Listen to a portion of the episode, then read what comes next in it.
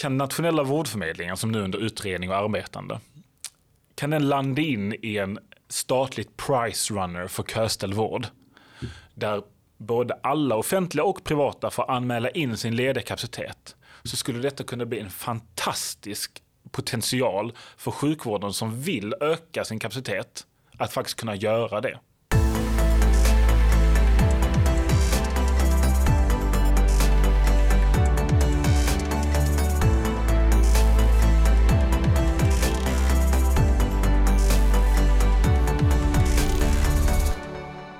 Gustav Drogge har flera års erfarenhet av sjukvårdsfrågor. Han har varit presschef för dåvarande hälso och sjukvårdslandstingsrådet Filippa Reinfeldt och senare kanslichef för Moderaterna i Stockholms läns landsting som senare blev Region Stockholm. Däremellan har han hunnit med några år som kommunikationsrådgivare. Idag gästar Gustav Skattebetalarnas podcast Uppskattat för att berätta om den nystartade tankesmedjan Synaps. Varmt välkommen Gustav! Tack så mycket, kul att vara här. Kul att ha dig här. Första frågan, du eh, är ju chef för den nya tankesmedjan Synaps. Varför behövs ni? Jo, vi behövs för att svensk sjukvård är fantastisk för de som får den. Men det är allt för många som inte får vård i tid. Och för dem som behöver, de behöver inte bara en diagnos eller en behandling, de behöver också politiska reformer.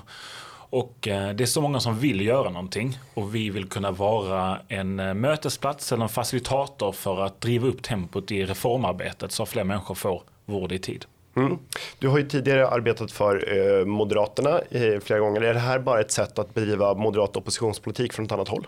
Nej, det är det inte. Utan det här är ett sätt att eh, organisera och engagera de läkare, men också policyprofessionella, om uttrycket tillåts, som har starka uppfattningar i vårdfrågan. Och att eh, tillsammans så skulle vi kunna utveckla ännu bättre reformer. Och det är inte för ett enskilt parti utan det är för alla partier. Men vi är ju tydligt positiva både till patienträttigheter som vi tycker liksom ska, ut, ska vara liksom utgångspunkten för eh, reformer i vården. Men också att privata inslag har en, liksom en naturlig del i sjukvården. Och att det inte så här, vi, det är inte hindret utan det är en del av lösningen. Det är inte hela lösningen, men det är en del av lösningen. Mm. Jag tycker att vårdfrågan är väl en av de mest eh, liksom laddade politiska frågorna där läget är ganska låst. Alltså ofta handlar det om att så här, här ska tillföras mer pengar, det enda sättet. Eller så pratar man om liksom, organisationsform, ska det vara regionerna eller staten som gör det här och så där. Går det att komma fram med den här frågan eller är den så, liksom, är den så låst så att eh, det, det är svårt att komma någonstans? Nej, men jag, jag tycker din beskrivning är, är helt korrekt. Den, det är en låsning. Vi tror att vi har eh, en av många nycklar för att eh, låsa upp detta och det är inte nödvändigtvis att det är höger och vänster utan det är snarare så top down eller bottom up och då väljer vi bottom up i den meningen att om vi organiserar och strukturerar reformarbetet utifrån rättigheter för patienterna, då kommer eh, region, regionerna och staten behöva anpassa så att säga, kostymen efter vad patienterna behöver. Eh, och det kan vara så att nej, det kanske är 21 regioner som behövs som idag. Eller så är det fem regioner. Det kan vara 50. Jag tror inte det är lösningen. Men för tankeexperimentet så de får organisera sig efter patienternas behov snarare än tvärtom som det är idag. Och det låter så här rubrikvänligt, det låter lätt att säga. Men det är inte heller så svårt att göra för det finns idag tillgänglig lagstiftning som redan gäller. Men det finns inga sanktioner kopplat till det och det finns inga riktiga verktyg som, som gör så att den inte riktigt används idag. Så att, ehm, och det är inte heller ett uttryck för att regioner inte riktigt gör vad de kan, de kämpar på och de människorna som jobbar i regionerna, som jag har träffat många gånger, underbara människor, fantastiskt begåvade, kloka personer som vill det bästa. Men de är eh, i en miljö där det inte är patientens främsta som alltid är det som är högst prioriterat. Nej, och det är väl det jag tycker har saknats i vårddebatten, just ett patientperspektiv. Det har pratats väldigt mycket om organisation och olika yrkesgruppers intressen. Men det är ju för, vården finns ju trots allt inte till för i första hand läkare och sjuksköterskor, byråkrater och politiker, utan just för patienterna. Och det är sällan de har hamnat i i, i fokus. Eh, men om man då ska vara lite radikal, var, varför inte privatisera helt och låta det här skötas på en, en, en normal marknad? Men jag tror inte att det finns varken en, en folklig förankring eller ett intresse för de människorna som arbetar i sjukvården att jobba helt och hållet i privata inslag. I Sverige är trots allt liksom eh, en del av detta eh, starkt ifrågasatt. Jag tycker att det finns tveksamma grunder varför man ska ifrågasätta privata inslag. Särskilt när det finns eh, tydliga exempel på till höft, höfter, om man ska operera en ny höft. Vi vet att man kan göra 50% fler höftoperationer till samma kostnad ifall det är en annan logga på din namnbricka än Region Värmland. Mm. Så att då kan jag tycka att de människorna som saknar en höft eller rätt och behöver en ny höft, de kanske är mer intresserade av den här höften. Mm. Men jag tror, ska man svensk sjukvård förändras så behöver man ha med alla på tåget. Och då tror jag att um, att de delar där privata inslag kan göra riktigt stor skillnad när det handlar om specialistvården, alltså ny höft, ny, bättre ögon, eh, armar, ben, höfter, eh, hjärtan. Det finns jättemånga delar där privata inslag kan, kan göra jättestor skillnad. Här behöver de få växa. Det finns nog några delar som inom universitetssjukhusen och sådär som, som är ganska bra att det är statligt eller eh, regionalt. Så lite planekonomi ska vara kvar helt enkelt. Eh, jag försöker bara utmana dig från, ja, från ett annat håll än du kommer att bli utmanad som, som mest. Eh, I inbjudan till lanseringen av tankesmedjan Synaps så stod det så här, nu knäcker vi vårdens gåtor. Vilka är de här gåtorna? Varför vill det är så många som vill jobba i sjukvården men det är så få som jobbar i sjukvården. Vi, är all, vi har aldrig varit fler som jobbar i sjukvården. Vi har aldrig behövt fler som jobbar i sjukvården. Det är så många motsägelser i detta och alla är, sam, alla är sanna. Och då letar vi efter, vi kallar det för en gåta det här med kompetensförsörjning. Det är ett märkligt ord men det handlar om egentligen att det är för låg resursutnyttjande av de tillgängliga resurserna som finns på marknaden ifall uttrycket tillåts. Och där patienter och vårdgivare tillåts inte mötas i tillräckligt hög utsträckning. Utan patienter är upptagna med något, till exempel att vänta, och vårdgivare är upptagna med någonting annat. Till exempel att registrera besök istället för att ta emot besök. Eller registrera någonting annat. Och det vi vill göra är, hur kan vi använda befintliga resurser bättre? Men hur kan vi också hitta, vilka är bäst på att använda resurserna idag? Vilka är de tio bästa arbetsgivarna inom sjukvården idag? Det vet vi inte. Jag tror att det är några, det är både offentliga men också privata som har hittat en, liksom en den är inte unik på något sätt, den är ju snarlik resten av världen. Ett sätt att ta hand om människors inflytande, intresse över sin arbetsplats, men det handlar både om lön och kompetensutveckling. Alla de här sakerna som gör en riktigt bra arbetsplats. Men som eh, och hur kan vi stimulera det offentliga att ta en större del av detta? Och ifall det offentliga inte klarar att vara en bra arbetsgivare, då kanske man ska låta någon annan få vara det istället. Och att låta eh, kanske en privat inslag vara med i en region som kanske inte är jätteintresserade av privat inslag egentligen rent politiskt. Men de är intresserade av att hålla vårdplatser öppna. Mm. Och då kanske denna denna upphandling eller konkurrensutsättning gör att fler människor stannar i olika regioner som annars hade kanske valt att, att lämna dem för andra arbetsgivare. Och det är det här jag kallar för gåta, att det finns många motsägelser i detta, både politiska men också arbetsmiljömässiga och utifrån patienten. Och det här vill vi knäcka. Ja, spännande. Det här ska bli väldigt spännande att följa. För eh, det konstateras väl att Sverige har väl eh, väsentligt fler läkare än för 40 år sedan och trots det och de ägnar mycket mindre tid åt patienter idag. Vad är det en, tar en svensk läkare emot en fjärdedel så många besök som en tysk tror jag det är. Mm. Eller om det är en tredjedel. Och, och det finns eh, och som när man diskuterar med många läkare så säger de så här, det här är inte svaret på allt. Nej det är inte, men det är svar på en del. Ja. och jag tror att det är också cause for concern som det heter att nej, men här ska vi nu titta lite mer. Det betyder inte att en enkel översättning i statistik löser något problem om att läkare bara ska jobba hårdare. Det finns de som jobbar jättehårt. Det finns nu de som kan och vill jobba hårdare. Men det finns nog många som jobbar väldigt hårt än idag. Och det handlar ju om att släppa lös deras så här, kraft, ja. kraften hos de här människorna. Och man blir väl sannolikt läkare för att just behandla mm. patienter, eh, för, om man inte forskar då, men, men snarare än att eh, liksom, fylla i journaler. Eh, det är väl inte liksom den huvudsakliga uppgiften man vill ägna sig åt som läkare misstänker. Nej, precis, och det är väl rätt mycket byråkrati som, som tar en oproportionerligt stor del av tiden.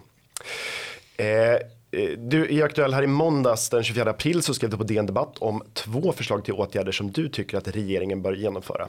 Vi tar med tur och ordning. Eh, du anser att vårdgarantin har slutat fungera och att det enda sättet att få regionerna att följa lagen att införa ett skadestånd till patienter vid för lång väntan. Vad är det som inte funkar med vårdgarantin? Vad är vårdgarantin först och främst och, och varför funkar den inte? Du har vårdgarantin om vi tar för specialistvården. Till exempel du behöver en ny höft. Då har du 90 dagar på dig att få träffa en specialist för att få en bedömning om vad är det fel på höften, behöver du en ny höft eller inte. När den läkaren säger du ska ha en ny höft, då har regionen 90 dagar på sig att ge dig en ny höft. Ifall de inte klarar detta så tillåter lagstiftningen dig att få en höft någon annanstans i, i Sverige, hos någon annan vårdgivare. Men eh, just ortopedi är då kanske ett ord som ganska många förstår och begriper. Men man vet ju inte vilken ortoped man kan ringa och vad de för telefonnummer. Den här liksom, det finns ingen mötesplats för patienten att hitta en ortoped någon annanstans. Och regionen har inte ett jättestarkt eget intresse av att skicka iväg dig för det är ju en kostnad för dem snarare än en potentiell intäkt. Så att regionen, det finns inga finansiella ersättningsstrukturer som gör att de vill skicka iväg dig mer än att lagen kräver det. Och det finns heller ingen sanktion för, för regionen ifall de inte skickar iväg dig. Det är mer bara att det blir en dålig rubrik i tidningen. I värsta fall. I värsta fall. Och då menar jag, vi måste eh, sätta pengar på det som faktiskt har en kostnad. Men kostnaden är inte pengar idag, kostnaden är smärta för den här familjen som har en, en mamma eller en pappa eller någon som behöver en ny höft. Det är förlorad arbetsinkomst för den här personen. Om jag en ny höft, jag kan inte göra de sakerna jag vill göra i livet. Att man kompenserar dem för den smärtan och för den uteblivna skyldighet man har i lagen att uppfylla detta. Sen är inte huvudidén, eller poängen är inte att människor ska få pengar för att de inte får vård. Poängen är att de ska få vård. Ja. Så att genom att sätta en peng på det, um, det som regionen inte klarar av, det vill säga på vårdkön, motiverar samma region till att lägga pengar för att lösa upp den här kön. Eller för att, och ifall det är, för vissa kommer det vara bra men vi ber en privat vårdgivare att jobba helg. Så. Eh, för andra kommer det säkert vara en annan pigg lösning. Och syftet är inte att bestämma exakt hur de ska göra. Syftet är att de ska börja göra det. Och ifall de inte klarar detta så tycker jag att man borde göra det mycket enklare för att söka vård i en annan region. Ungefär som ett, som ett statligt price runner mm. för köställd vård. Där man kan logga in någonstans och se, okej okay, men här finns tio ortopeder som, som staten eller regionen har godkänt som bra kvalitet. Då väljer jag en av dem och så ber jag dem ringa upp mig och boka in en, en där var vi, eh, när jag kan få en ny höft. Mm. Så det här är liksom förlängningen av detta. Och bara för en sista, sista och, och jag, jag, tycker att man ska få ungefär 5 000 kronor exakta summan är inte huvudaffären i detta. Utan, men jag tycker att det, man kan jämföra det med nu att det är en stor pendeltågsstrejk i, i Stockholm. Mm. Och då de som behöver åka taxi fram och tillbaka till jobbet istället för att åka pendeltåg. De får ju knappt 1400 kronor per resa i möjlighet till ersättning. Det blir lite stimulerande. Det är ändå ja, knappt 3000 kronor om dagen om man åker fram och tillbaka. Och man får noll kronor om man väntar två år på en ny höft. Jag tycker att det är ju exakt samma skattebas. Ja. Och det är också, alltså det är ju någonting du har betalat för, även om du har betalat det i skatt så borde du ha någon form av garanti. Det är ju inte, här har ju, här, man skulle ju inte acceptera det här om man, om man köpte en tjänst på en privat marknad och någon bestämmer sig för att säga, man tar in hantverkare och så säger de vi kommer om två år, det vill man inte betala för. Eh, så det, det, det, låter som en, en eh, rimlig, alltså en, en tydligare kravställning och ett tydligt patientfokus då. Eh, ditt andra krav det är en statlig effektivitetsgaranti. Vad, vad innebär det? Jag, jag tycker det, det, låter nästan eh, som byråkrati att kalla det en statlig effektivitetsgaranti. Ja, det Men, låter teknokratiskt. ja. Syftet är att eh, de här generella statsbidragen och statsbidragen som i alla fall i den här Sveriges kommuner och regioner-världen som många regioner liksom är väldigt aktiva och är beroende av så här, två gånger om året så satsar man all opinionsbildande kraft för att få igenom eh, förändringar i statsbudgeten, i vårändringsbudgeten och i höstbudgeten för att få mer bidrag. Och de här bidragen motsvarar, beroende på storlek, med mellan 1 till 3 procent av sin årliga omsättning i regionen. Och då varje år så har man två gånger om året sjukvården går under om inte eh, den socialdemokratiska eller moderata finansministern ger oss mer pengar. Det här har vi varje år. Det har vi varje år. Och det jag menar är att de här bidragen är som vilka andra bidrag som helst. Ibland kan de vara motiverade, ibland kan de behövas. Men nästan alltid så gör de mottagaren eh, till en eh, passiv del i sitt eget förändringsarbete. Och det gäller också regionerna. Regionerna behöv, har liksom större kostnader än vad de har klarat av eller mäktar med. Och då istället för att göra upp med de här kostnaderna, även om det är jättesvårt i många fall, men istället för att göra upp med dem så vill man ha större bidrag.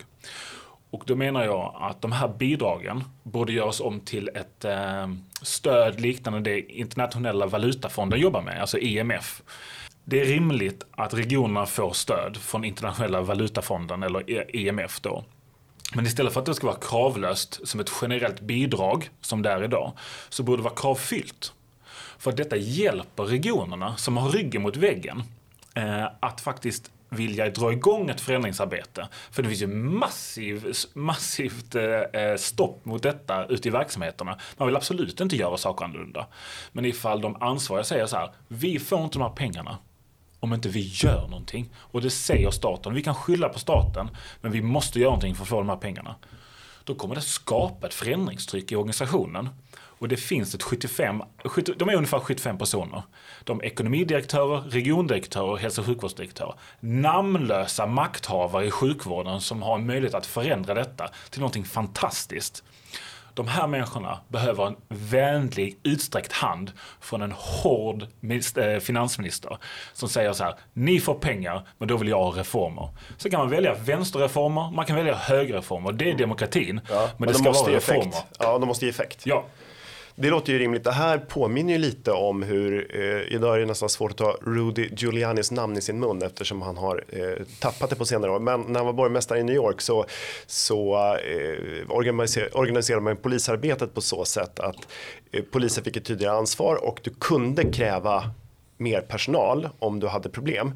Men då var också förutsättningen att du, när du återkom en vecka senare, att saker och ting hade blivit bättre. Du kunde inte bara få mer personal och så var det ingen som utvärderade det, utan hade du, begärde du fler, fler, eh, eh, fler personer i, din, eh, i ditt polisområde, då krävdes det också att brottsligheten sen gick ner, annars fick du sparken. Det var ju ett lite hårdare sätt än du kanske uttryckte det på. Men alltså, du kan få resurser, men för de resurserna måste, de måste användas på ett sätt som ger, i det här fallet, då, patientnytta. Ja, och det finns ju det finns ju massor med sätt, både utifrån att minska administration, alla säger det här med minska administration, men fortfarande sker i de här exemplen med, nu senast var det Södertälje sjukhus, ramaskri från akuten, va, eh, personalen, du vet, hyrstopp i, i regionen, personalen säger vi klarar inte mer, kanske skulle stänga akutmottagningen. Dagen efter, första april, man trodde nästan att det var ett skämt, då kommunicerar sjukhuset, nu har vi anställt en ny hållbarhetsstrateg. Ja. Och det är ju en hållbarhetsstrateg tjänar ungefär som en sjuksköterska. Alltså man, eh, över ett helt år med eh, OB och annat. Så det är ju en riktig prioritering där man sagt att vi kommer inte använda de här pengarna till att betala en ny sjuksköterska. Vi kommer istället använda dem till en hållbarhetsstrateg. Och man kan tycka, och jag, min poäng är här, att alla sjuksköterskor på Södertälje sjukhus är hållbarhetsstrateger. Mm. Det, de har redan hållbarhet. All, I sjukvården är fylld med strateger för hållbarhet. Behövs inte en till. Så det är, liksom, det är, det är poängen jag vill göra i detta. Det här tycker jag låter som en historia om offentlig sektor generellt. Eh, men vården blir då extra eh, smärtande eftersom när man väl behöver den så är ju väntan så otroligt frustrerande. Det är klart att det är tråkigt att vänta på ett bygglov men vänta på en operation kan ju i värsta fall vara dödligt. Det finns ju en massa andra aspekter. Jag hörde för ett antal år sedan och det är kanske för att jag eh, börjar närma mig 50-årsåldern som den, den eh, slog rot i mig. Men jag hörde talas om, om eh, eh, prostataoperationer som, som många då män i eh, övre medelåldern be, till slut behöver. Eh, där man har, eh, för att anställa urologer, då vill man ha den bästa och då är det så att alla regioner tävlar och för att kunna attrahera de bästa så måste man ha en operationsrobot eh, och den är väldigt, väldigt dyr. Eh, och sen så lockar man då en duktig urolog som får göra kirurgi. Problemet är bara att när du gör eh, kirurgi, om du inte gör det tillräckligt ofta, så är det med all kirurgi vad jag förstår, så blir du heller inte särskilt bra på det, även om du har en robot och även om du är duktig från början. Men det gör att du har undermåliga då prostataoperationer på, i nästan vad jag förstår alla regioner i Sverige Eh, fast det här inte är en akut åtgärd och du mycket väl skulle kunna skicka dem någon annanstans där man utför operationer hela tiden och då får ett bättre resultat. Och resultatet är eh, att de här personerna som blir opererade får eh, stora problem efteråt. Man ja, får erektil dysfunktion och, och liksom kissar på sig i värsta fall. Den här typen av liksom suboptimering hur kommer man till rätta med det? Liksom bör, alla, bör man i alla regioner erbjuda all typ av vård? Finns det inte en poäng att specialisera sig på vissa håll på vissa saker? Jag tycker att, eh, väldigt talande exempel, jag tycker att eh, svensk politik eh, behöver, och både liksom utifrån ett höger och vänsterperspektiv, men om man tar högern i vid mening, behöver bestämma sig vilka kvalitetsindikatorer ska svensk sjukvård präglas av. Alltså det finns en kvalitet i själva vårdens genomförande eh, i det som du själv beskriver. Det finns också en kvalitet i tillgänglighet. Hur snabbt ska du kunna få vården? Det finns också en kvalitet i, i närhet. Eh, och jag menar att eh, det viktigaste är att fokusera på de två första kvalitetsindikatorerna. Hög medicinsk kvalitet och hög tillgänglighet. Sen kan det innebära att du kan behöva resa en bit någon gång i ditt liv när du behöver den här väldigt speciella operationen. Um, det tycker jag liksom är en, och till delar är det målkonflikt. Man får inte allting precis där man bor. Nej, Nej det, är, det är dealen. Men du kan få de riktigt viktiga sakerna riktigt bra när du behöver det. Det tycker jag är en trade-off som är rimlig att göra. Och jag ser ju framför mig att, eh, att svensk sjukvård kommer bli lite av en destination hospitals. Eh, och, det? och det innebär egentligen att rätt om jag översätter det så här. Det finns, vad jag förstår, jag är ingen operaman. 10-12 riktigt bra operascener i Sverige. Opera måste man öva mycket, väldigt mycket. Och de reser mellan de här operascenerna och ställer upp de mest fantastiska liksom, konserterna. Föreställningarna. Ehm, och när du, eh, och du kan ju tänka dig, är man väldigt intresserad av opera, så åker till de här olika. Du kan åka liksom allt från Skövde till Göteborg till Malmö till Luleå. Fantastiskt. Men om du, om du måste göra en höftoperation, varför kan du inte åka till Landskrona då? Mm. En, gång om år, en gång per ditt liv ska du göra den här operationen. Varför kan du inte åka tre timmar tåg till Landskrona? När det inte är en akut sak. När det inte är en akut operation. Och det är det jag menar är så här, det finns en och, det är också kirurgerna behöver, precis som operasångarna, behöver liksom öva, öva, öva. Och det är kanske inte är rimligt att vi, har, att vi kan operera en höft på 50 ställen, men man kan sjunga opera på 10. Mm. Alltså det är liksom, och det ena är ju mer en friare marknad i viss mån mm. äh, än det andra. Och jag tror liksom att här behöver vi optimera för patientens främsta snarare än av lokala eller regionala skäl där man säger vi kan inte behålla den här urologen som gör många andra viktiga mm. saker i Jämtland kanske. Om inte han också får göra, eller hon också får göra de här eh, prostataoperationerna. Men då tycker jag så här att då borde patientens eh, behov sättas före urologens intresse. Det eller, tycker jag. Eller regionens eller intresse. Regionens för det, intresse för jag, vad jag förstår är det ganska ofta prestigeskäl man gör så här. Jag sabbade ju axeln här för några år sedan och är väldigt glad att jag, jag var inte i Stockholm när, när jag sabbade den i en bilolycka och sen fick jag en operation just i Stockholm, vilket jag är mycket tacksam för. För jag hade en fenomenal kirurg som jag inte tror att det går liksom bara att ha det på enstaka ställen i landet. Och, och det som är, det jag tycker är Synaps verkliga liksom huvudintresse att försvara det är ju idén, alltså den romantiskt politiska idén om en finans, gemensam finansierad men också gemensamt tillgänglig sjuk, sjuk, sjukvård. Där den bästa kirurgen inte bara opererar de, de rikaste patienterna som det är i den största andelen av världen. Så är det de rika människorna som har, har tillgång till de bästa kirurgerna. Men i några länder har valt en helt annan modell som är, det, som är vår modell, där alla, teoretiskt i alla fall, har rätt till den bästa kirurgen. Och detta tycker jag är Synaps huvudidé att försvara den här. Men det fungerar ju inte idag, utan det är teoretiskt och det måste bli praktiskt. Och då finns det flera delar där regionerna behöver färre, staten behöver ta till del ett kliv fram, men främst behöver liksom patientens rättigheter hamna i fokus. Just vända upp och ner på, på, på pyramiden. Exakt. Eh, intressant. Ja, du har säkert läst också om eh, Mattias Lundbäck som jag intervjuade här om han och Nils Karlssons bok eh, om vård där de föreslår en mer eh, försäkringsbaserad lösning. Är det någonting som ni också kan tänka er att titta på? Jag tror att eh, i grund, det finns jättestarka skäl för försäkringssjukvård. Särskilt de dynamiska liksom, effekterna finns kring hur man eh, aktar sig lite grann. Eller den här tryggheten av att okay, jag vet att sjukvården är tillgänglig så jag behöver inte idag ställa mig i kön som det är i Sverige. Idag ställer man sig i kön omedelbart för man vet ju att jag kan behöva bli lite mer sjuk innan jag faktiskt får vården. Då är det bra om jag redan nu har ställt mig i kön så att den är tillgänglig när jag väl behöver den. Vilket skapar undanträngning för alla de människor som behöver den idag. Just det. Så, att säga. så den här trygghetsfaktorn kommer man ju undan ifall man prissätter lite annorlunda. Samtidigt så tror jag försäkringsvårdens att man är en större del av den privata delen av, av ens eh, ekonomi ska gå till att varje, varje månad betala för att kunna ha tillgänglig sjukvård. Jag är inte säker på att det är liksom rätt modell för Sverige. Däremot de mekanismer som finns i försäkringsvård, det vill säga att du kan tjäna pengar på att hålla din försäkringstagare frisk. Alltså regionen skulle kunna tjäna pengar och spara pengar på att undvika på att du blev sjuk. Det tror jag är jätteintressant. Alltså de här mekanismerna som finns där. Att översätta det till offentlig sektor eller alltså offentligt finansierad sjukvård. Att man säger så här, men jag opererar din höft. Jag får 50% nu. Jag får 25% om ett år. Och de sista 25% får jag om fyra år. När du inte har behövt en höft till. För att om tre år du kommer tillbaka och höften inte fungerade. Då får jag inte en krona till. Nej. Och detta låter ju fantastiskt. Det låter nästan drömmigt. Så fungerar det i några regioner redan. Ja. Varför skulle detta inte kunna vara på jättemånga olika?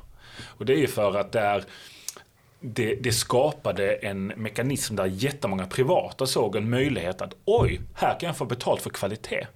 Jag kan locka de bästa kirurgerna, som, för kirurgerna vill jobba med kvalitet. Och jag har möjlighet att betala dem till att träffa patienten direkt och inte jobba med reoperationer där det gått åt helvete. Utan jag kan sätta de bästa kirurgerna vid den första kontakten med patienten. För jag kan tjäna pengar på det. Mm. Tänk om hela vården var så här, styrd efter en ersättningsmodell som premierade kvalitet vid första träffen snarare än när man ska hämta hem någon annans misslyckande. Det vore någonting att drömma om. Eh, 2019 när du arbetade som stabschef åt Irene Svenonius så släppte hon boken Jag vill avskaffa mig själv, låt proffsen styra vården. Eh, jag misstänker att du hade ett finger med i spelet här. Ska den titeln förstås som att hon och du ville avskaffa regionerna? Ja, hon, eh, Irene Svenonius beskriver i sin, eh, i sin bok att hon tycker att liksom regionerna stor del har spelat ut sin, sin roll. Um, sen betyder inte det att alla regioner behöver upphöra utan man kan ju fungera som en utförare av sjukvård. Och det tycker jag liksom är det demokratiska inslaget i sjukvården tycker jag, jag är otroligt stimulerad av det. Att det ska finnas olika sätt. Man kan få rösta på olika partier och man kan få erbjuda olika saker. Ehm, men det ger också en ojämlik sjukvård. Och det, man kan inte säga att all sjukvård ska vara exakt samma och alla får rösta på vem man vill. Nej. För då blir inte sjukvården exakt samma. Och det, det tycker jag är en, en viktig poäng i hennes bok men också i det arbetet jag bedriver. Och att vara en opolitisk eh, tankesmedja som är, vi är nu, vi är för alla partier som vill höra och lyssna. Eh, allt från SD till vänstern och allt däremellan. För att idén är ju här att kunna ge politikerna, oavsett färg, en, liksom en åtgärdslista. Okej, okay, du vill ha färre eh, köer. Här är fem pigga förslag. Alla de här har testats i olika regioner med olika framgång. Du borde testa dem i din region. Att vara mer så här åtgärdsstyrd eh, och att de ska liksom få, få, eh, få konkreta tips på vad man kan göra. Sen tror jag långsiktigt att regionerna det är en för stor administrativ överbyggnad av demokratisk karaktär som eh, som fungerar i vissa regioner och i vissa regioner så är det nog mer till besvär än till nytta. Så, eh, så att eh, den här statliga utredningen om eh, att förstatliga sjukvård, jag tror att den är jätteviktig. Jag får se vad den kommer fram till. Mm.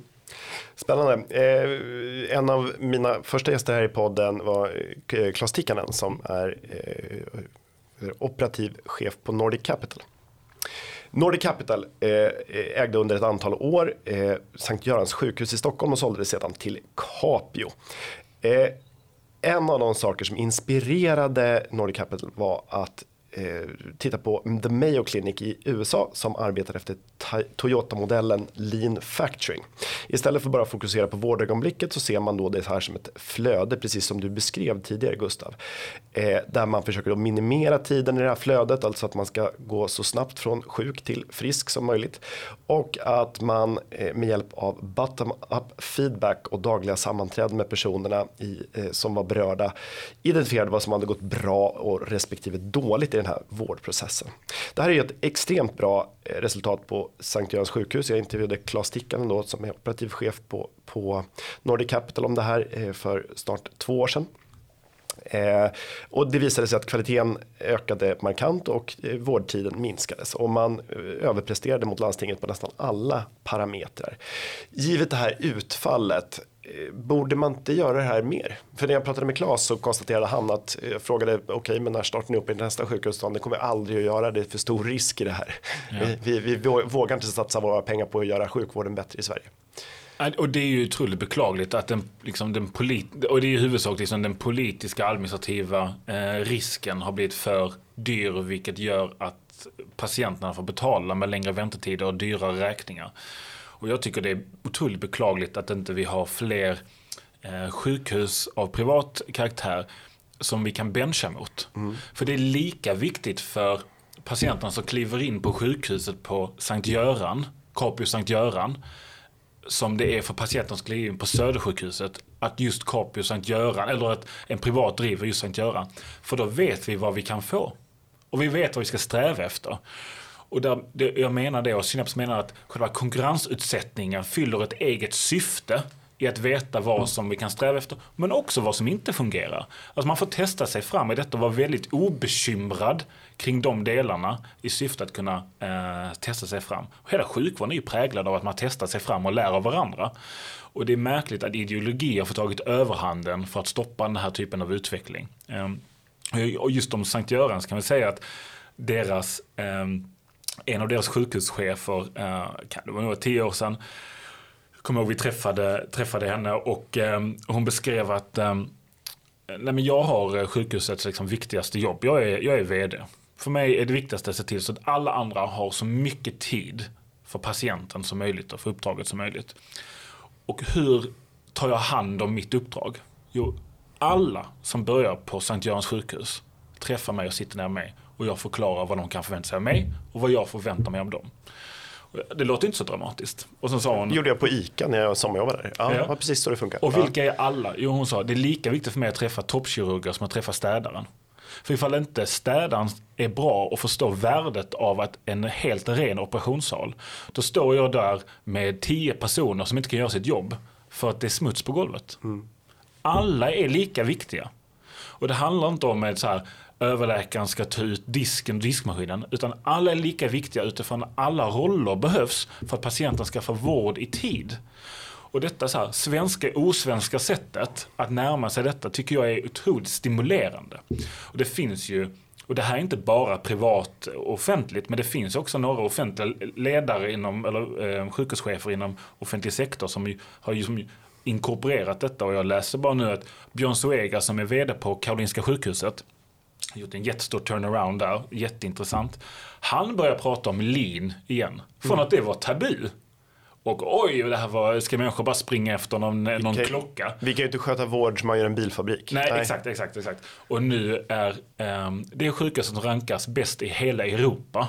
Nu börjar de prata om hur de ska liksom jobba. Sen kan inte de kalla det flöden. De kan, det, det, finns säkert finare namn för alltihopa. Men att de själva börjar prata om lean igen. Det visar lite grann att ibland så blir som debatten blir så fördummad så att ingen vågar göra någonting.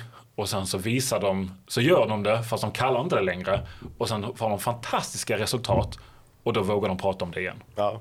Jag, jag, som sagt, jag opererades ju själv på Sankt Göran och eh, precis innan jag blev sövd så frågade jag narkossköterskan där frågade jag, hur, hur är det att jobba på ett privat sjukhus och då log båda brett och sa det är toppen. Och då sa jag det för att jag har bättre betalt. De bara, ja det vet jag inte men det viktiga är att vi, vi blir lyssnade på. Vi har liksom, vår åsikt räknas i den här organisationen. Vilket jag tolkade då som att de faktiskt inte upple hade upplevt det på andra sjukhus kanske. Mm. Jag tycker också att det här vi kommer nu eh, med start under våren och eh, fortsätta här under hösten och titta lite närmare på eh, kommunerna. Det som slår mig det är att vi har ju då samma typ av verksamhet i Sveriges 290 kommuner och samma i Sveriges 21 regioner. Men att man inspireras kanske inte tillräckligt mycket av varandra. Alltså man uppfinner hjulet lite för ofta själv. Eh, och tittar man i liksom, privat sektor så, så misstänker jag att de första som köper en Samsung-telefon är Apple för att lära sig att göra telefoner bättre. Men man sneglar väldigt, man försöker inte liksom stjäla bra lösningar och idéer från varandra på samma sätt i offentlig verksamhet. Är det din bild också? Absolut, och det finns ju också Eh, det finns institutioner och modeller och metoder för att man ska lära sig från varandra. Det kallas för öppna jämförelser som är stort inom regionvärlden där man, där man listar utfall ehm, på vem som är bäst på olika saker. Så jättesökbart och tydligt och sådär. Men sen antalet studieresor som går till de här top performing regionerna Väldigt få. Ja. Väldigt få. Sen såklart på individnivå så sker det liksom fantastiska saker. Men på aggregerad systemnivå så finns det inte en det finns inte en, en struktur och en in, intresse av att lära varandra. Det är beklagligt. Jag förstår. Det var precis som jag misstänkte. Eh, förra året så skrev Svenska Dagbladet att trots ständiga larm om brist på vårdpersonal så anställs fler och fler byråkrater. Sedan 2008 har två av tre nyanställda i Region Stockholm varit just administratörer, handläggare eller chefer. Varför är det så och vad kan man göra åt det? Det är för att det är enklare att anställa en administratör än att anställa en sjuksköterska. Och båda behoven finns, men, men chefer, ledare och politik för den delen är inte tillräckligt hårda i prioriteringarna. Och det är det jag, jag kommer tillbaka till det här som jag beskrev tidigare kring att man får statliga allmosor. När pengar trillar in, i början på året säger man så oj pengarna är slut, nu måste vi prioritera. Och så säger jag alltså, bara så gör man prioriteringar och så bara oj, här kom det några miljarder extra. Ja men då behöver, då behöver vi kanske inte göra de här prioriteringarna vi gjorde, slipper vi vara lite osköna och säga att någon kanske inte får jobba kvar eller att någon inte får lov att anställa så många som de vill. Utan nu kan vi vara sköna. Och nu kan alla få lite mer som de vill. Det är en dröm som chef. Ja, why not? Och då är svaret 200 000 människor i vårdkön. Mm. Därför ska du inte göra det. Så att eh, det är så för att det är det vi har köpt. Och vården ser ut som den gör för att det är det vi ersätter. Man får precis det man betalar för. Och vi betalar för hållbarhetsstrateger och vi betalar för att SKR kan du gissa hur många kommunikatörer SKRs kommunikationsavdelning har? Det borde jag ju veta. 50. Ja. Och det kanske är så att de behöver 50. Jag vet inte. Det låter osannolikt. Poängen är det finns väldigt mycket pengar på, eh, i systemet som är eh, enklare att prioritera ner. Men det finns, inget stark, det finns inget starkt politiskt tryck för att faktiskt göra det. Nej. Nej, det, alltså, det är ju det som varje organisation måste slåss mot. Tvingas man inte prioritera så kommer organisationen hela mm. tiden växa. Det gäller alla, det gäller även privat verksamhet, självklart. Eh, du som har insyn i vården och, och jobbat nära den, eh, hur viktigt skulle du säga att ledarskapet är liksom på plats? Jag tror att det är helt avgörande. Och mm. det är en av frågorna vi kommer att titta på i det här kompetensförsörjningsarbetet vi ska göra. Det handlar om okay, vilka nycklar har en bra arbetsplats? Och det, det handlar om lön, det handlar om inflytande, det handlar till stor del av ledarskap. Och kan man ju tycka inom andra industrier så finns det ju att om man blir chef i en stor koncern då skickas man liksom utan att man får önska det, skickas man till olika ledarskapsutbildningar för flera hundratusen kronor. Skickas man på de mest premiumgrejerna för att man, koncernledningen vet om, ifall den här chefen inte fungerar, då kommer det påverka, påverka hela vår affär. De här, det här måste bli en bra chef, det måste bli en bra ledare. Men om samma person skulle, ja men offentliga ledare, det är inte ovanligt att de har en miljard i budget. Det, det, är många som har det. Mm. Eller 500 miljoner för den delen. Eller eh, tusen människoöden i sina händer. Men de måste slåss för 1000 kronor kaffepengar.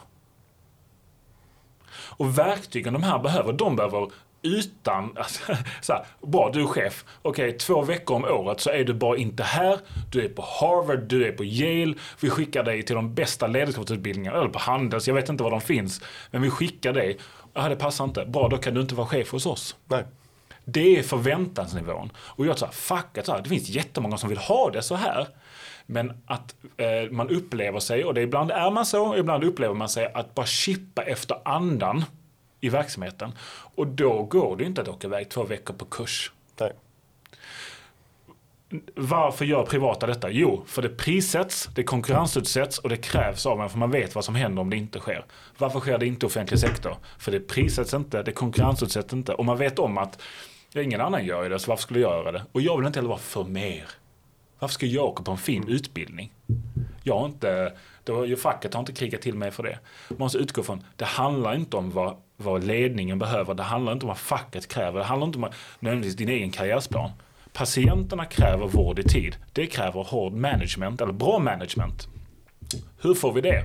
Ja, vi frågar någon som kan det. Mm. Och det ledarskap, man föds inte med bra ledarskap. Man lär sig det, man går i skolan om ledarskap. Mm. Och ett spår som jag är nyfiken på, det är ju i att, eh, att i den medicinska utbildningen i Sverige, både på sjuksköterskenivå och på läkarnivå, att det finns ett, ett spår som är management, eller ledarskap kan man mm. kalla det i Sverige. Det är ju oerhört komplexa, svåra processer. Jag menar, det här är ju inte, det är inte ett lätt ledarskap. Nej, och att väga budgetkontroll mot en människas liv. Mm. Alltså jag kan inte tänka mig ett svårare beslut. Nej. Och som vården hela tiden gör. Ja, hela tiden. Och de, de lämnas där i det här djupa vattnet ja. utan liksom verktyg att ta sig fram. Att vi, man skulle utan att bli dystopisk, men säga att eh, vi har så bra vård trots allt som sker. Inte tack vare. Mm. Ja, mycket spännande. Eh, du har ju som sagt i veckan här ställt eh, eh, två krav på regeringen som vi tog upp tidigare. Vad, vad vill du se nu då från, från den, du har ju trots allt, även om tankesmedjan är opolitisk så har ju en, ett förflutet i Moderaterna. Vad vill du se att regeringen gör framöver förutom dina två åtgärder här? Jag skulle vilja att den nationella vårdförmedlingen som är en, en reform i Tidöavtalet, jättespännande, som handlar om att i bästa fall det här är det som Synaps vill, är att det blir en mötesplats för en patient som har fått besked om, alltså en digital mötesplats, där en patient som fått besked om att du, vi kan tyvärr inte ta hand om dig på 90 dagar. Men logga in på den här med hjälp av din BankID. Logga in på den här hemsidan. Så finns det andra ortopeder som är, jätte, som är lika duktiga eh, på att operera en höft någon annanstans i Sverige. Och där kan du välja mellan att nej, men jag kanske inte vill åka så långt från Trelleborg, jag vill bara åka till Halmstad. Eller jag, ska en, jag har vänner i Stockholm så jag kan passa på att besöka dem. Och att jag väljer någon i Stockholm. Och att där man får kontakt med en ny vårdgivare som kan operera din höft. När det passar, eh, kanske inte när det passar dig, men i alla fall inom 90 dagar. Och att man då får boka upp, man, man får sin resa fram och tillbaka betald. Som lagstiftningen redan idag tillåter. Man får vård i tid, fast kanske i en annan region. Och man betalar inte en krona för detta, för allt detta betalar ju hemregionen som, i, som inte klarat sin egen uppgift. Kan nationella vårdförmedlingen, som nu är under utredning och arbetande, kan den landa in i en statligt price runner för köställd vård? Där både alla offentliga och privata får anmäla in sin lediga kapacitet. Så skulle detta kunna bli en fantastisk potential för sjukvården som vill öka sin kapacitet att faktiskt kunna göra det. Coolt, spännande. Ja, det ska bli intressant att följa eh, både då regeringens arbete och ert framöver. Vad står näst på agendan för er? men nu har vi, eh, vi har en stor lansering i början på maj där vi eh, har bjudit in eh, både politiker och journalister och andra där vi vill sprida evangeliet så att säga. Så att det är näst på tur. Spännande, vad roligt. Och hur följer man er enklast? Då kan man göra det på, vi finns på Instagram och på LinkedIn, tankesmedjan Synaps. Eller på hemsidan eh, tankesmedjansynaps.se. Och där har vi eh, en återstartat nyhetsbrevsfunktionen. Så att där får man jättegärna eh, följa oss. Eh, så skickar vi ut alla artiklar och annat vi gör. Spännande. Det eh, ska jag göra och hoppas jag att ni gör också. Stort tack för att du kom hit idag Gustav. Tack så mycket. Eh, och tack för att ni har lyssnat på Uppskattat. Det är en podcast från Skattebetalarnas förening. Vi arbetar för låga och rättvisa skatter, rättssäkerhet för skattskyldiga och minskat slöseri med skattepengar. Vi bildar opinion och folkbildar i skattefrågan och vi lever som vi lär och tar bara emot frivilliga bidrag. Uppskattar du podden kan du gärna ge oss ett gott betyg i din app och vill du medverka till att Sverige blir ett land med minskat slöseri och rimligare skatter så stödjer du oss enklast genom att bli medlem. Läs mer och bli medlem på www.skattebetalarna.se bli medlem. Till nästa vecka, ha det så bra.